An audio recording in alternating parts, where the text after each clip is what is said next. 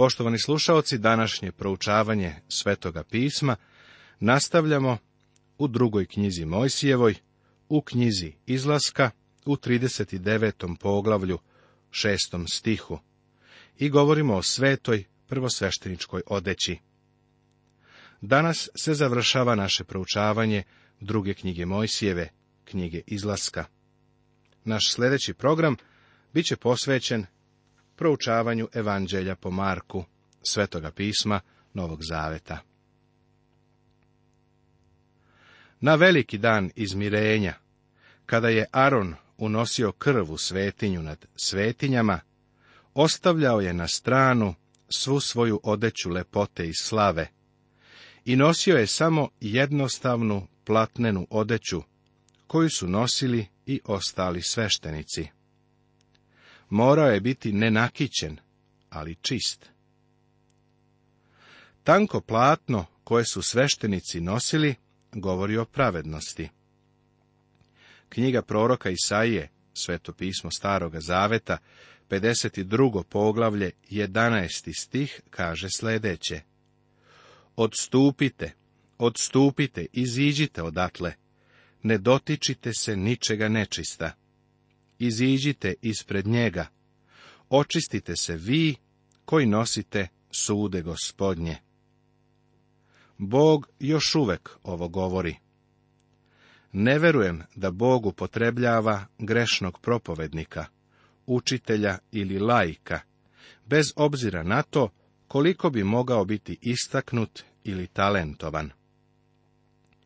Oni za Boga ništa ne rade, jer Bog njihov rad neće prihvatiti. Oni prave drvo, strnjiku, slamu.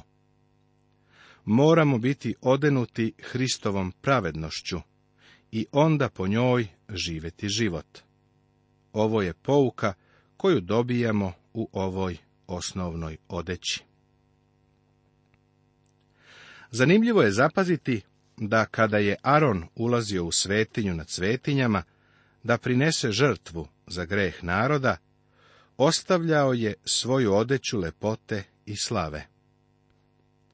Kada je gospod Isus došao na ovu zemlju, on nije odložio svoje božanstvo, ali je odložio svoju odeću slave i lepote.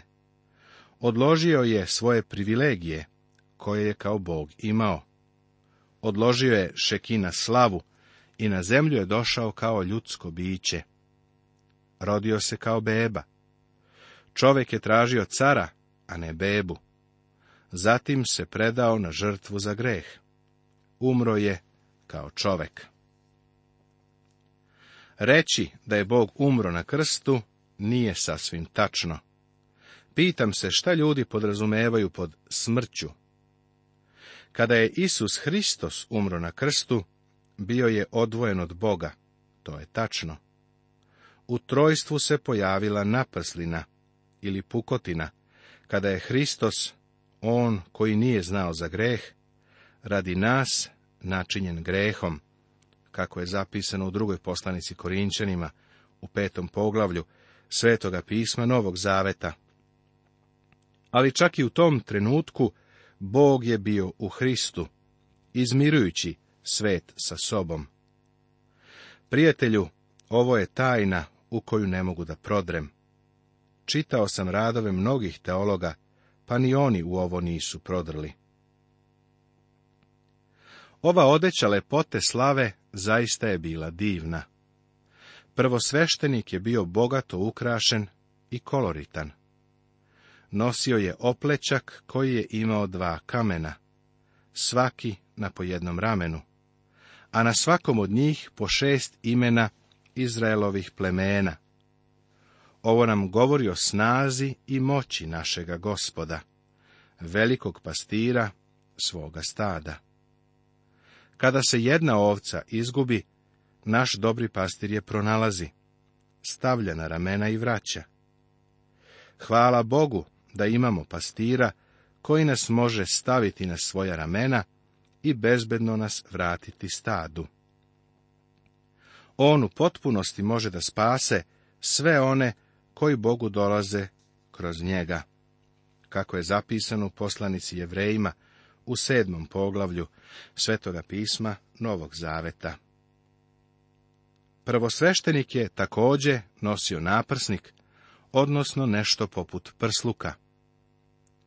On je na sebi imao dvanaest kamenja i bio je izuzetne lepote, Verovatno je imao i neku vrstu džepa, gde su bili stavljeni Urim i Tumim. Urim i Tumim bili su povezani sa predviđanjem. Nije nam objavljeno kako je to funkcionisalo. Divno kamenje na naprsniku govori o tome da nas danas Hristos nosi u svom srcu. Voli nas. Jer Bog je tako zavoleo svet da je svog jedinorodnog sina dao, da svaki ko veruje u njega ne propadne, nego da ima večni život, zapisano je u Evanđelju po Jovanu, trećem poglavlju, 16. stihu, Svetoga pisma Novog Zaveta. Ovo kamenje oslikava njegovu veliku ljubav prema nama.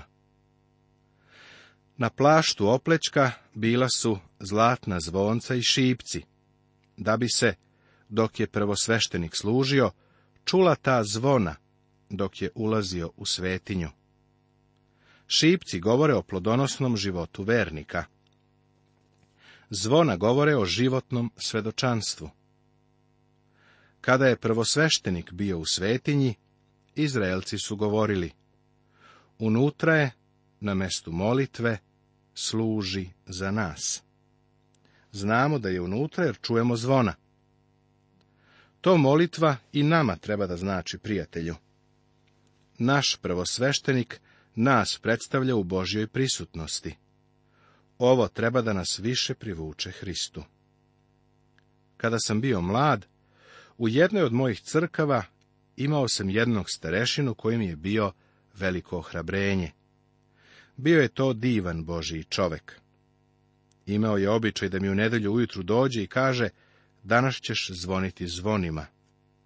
Ako baš hoćeš da saznaš istinu, nisam zvonio. U to vreme sam propovedao neke jadne propovedi. Ali njegova poruka je bila da, pošto je on proučavao Bibliju, može ući u Hristovu prisutnost kroz propovedanje reči Božije. Ispričao sam mu o dečku koji mi je prišao dok sam bio u Đorđiji u Sjedinjenim državama. Bio je to običan seoski dečko.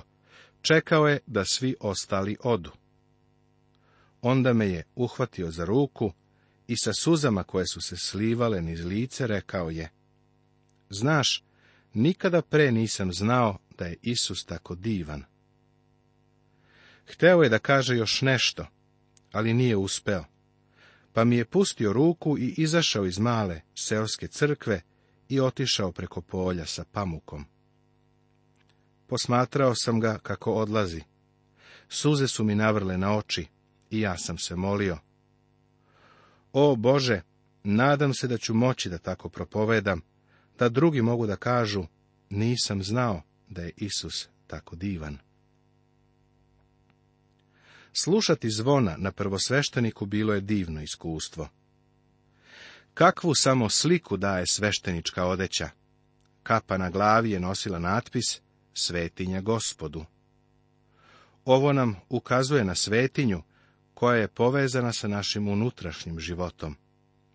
Ali je važno da to znači da je prvosveštenik ceo predat svom poslu i službi. Sveti znači da je odvojen za službu Bogu. Želeo bih da nešto kažem današnjim propovednicima. Dugo sam bio propovednik i znam da ima vrlo mnogo ljudi koji žele da propovednik uradi sve pod suncem. Oni žele da ih on podržava, drži za ruku, da im bude dadilja i da im propoveda. Nije čudo što mnogi propovednici doživljavaju nervne slomove. Mnogi propovednici nisu ništa drugo nego negovateljice za te mnoge bebe u Hristu. Propovednik koji danas stane za propovedaonicu, mora biti sposoban da nosi kapu na kojoj piše svetinja gospodu. Ovo znači da on mora imati vremena za pripremu poruke. Mora imati vreme koje će provesti pred gospodom u molitvi. Zapanjen sam brojem ljudi koji pozivaju propovednika da sa njima izađe u subotu uveče. Subota bi trebalo da bude njegov dan za pripremu i razmišljanje. Jednom sam imao jednog starešinu koji mi je rekao Cenim to što hoćeš da dođeš da me posetiš, ali ću ti reći šta bih voleo da uradiš. Voleo bih da to vreme provedeš pripremajući se za poruku, umjesto da ga provedeš u posjeti kod mene. Moj današnji posao je težak, ja se umaram, postajem obeshrabren. Kada u nedelju dođem u crkvu, želim da čujem nešto što dolazi od Boga. Potrebna mi je pomoć i nadam se da ćeš subotu provesti u pripremama, tako da ću ja moći da u nedelju ujutro i uveče čujem nešto sa neba. Mislim da je imao pravo da mi ovo kaže. Prijatelju, treba da uvidimo činjenicu da propovednici treba da nose kapu.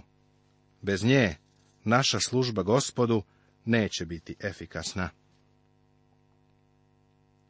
Poglavlje 40. Tema Šator od sastanka je postavljen i pomazan.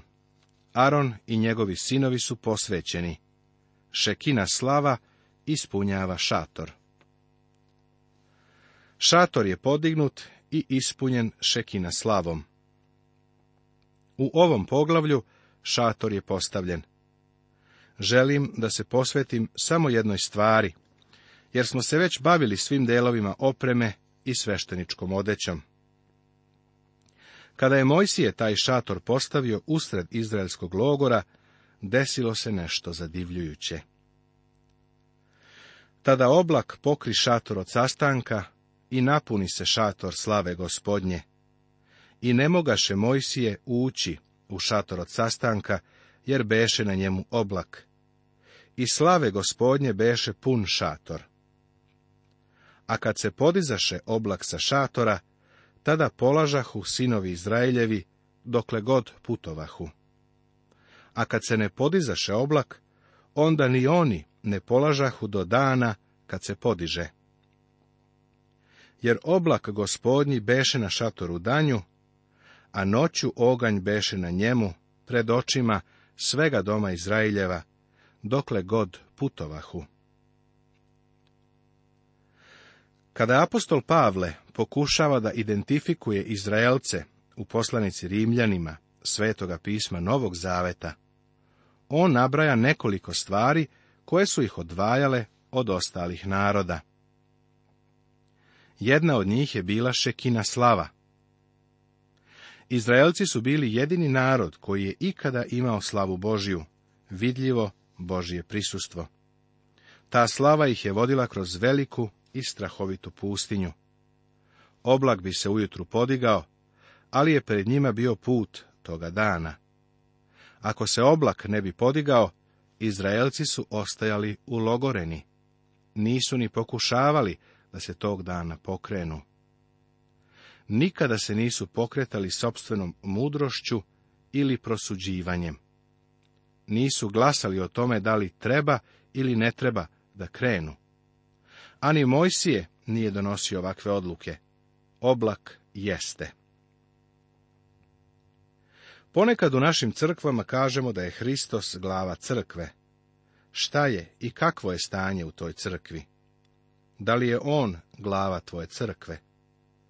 Da li mi danas idemo za oblakom ili u crkvene odbore stavljamo ljude zato što su uspešni poslovni ljudi?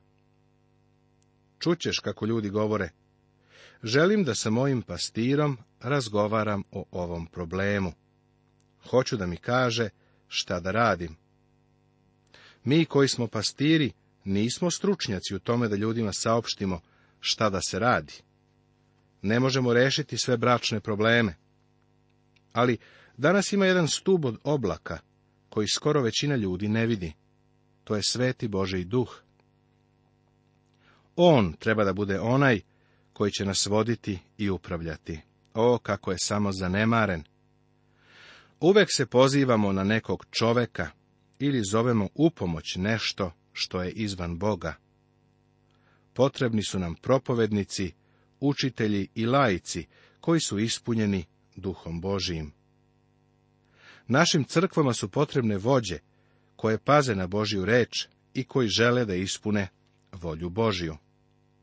Danas iznad crkve ne postoji vidljivi oblak, ali sveti Božiji duh želi da nas vodi i da nama upravlja. Ovo predstavlja i kraj našeg proučavanja druge knjige Mojsijeve ili knjige izlaska Svetoga pisma Starog Zaveta. Ona je započela sumornim prizorom pravljenja cigala u Egiptu, a završava se slavnim prisustvom Božijim u šatoru od sastanka. Božja prisutnost je Izraelce vodila kroz pustinju. Bog želi da i tebe izbavi od jada ropstva grehu i da te uvede u slavu svoga prisustva i u samo središte njegove volje, odakle može da te vodi i tobom da upravlja. Kako je divna knjiga izlaska. Poštovani slušaoci, u sutrašnjoj emisiji naše proučavanje Svetoga pisma nastavljamo sa Evanđeljem po Marku.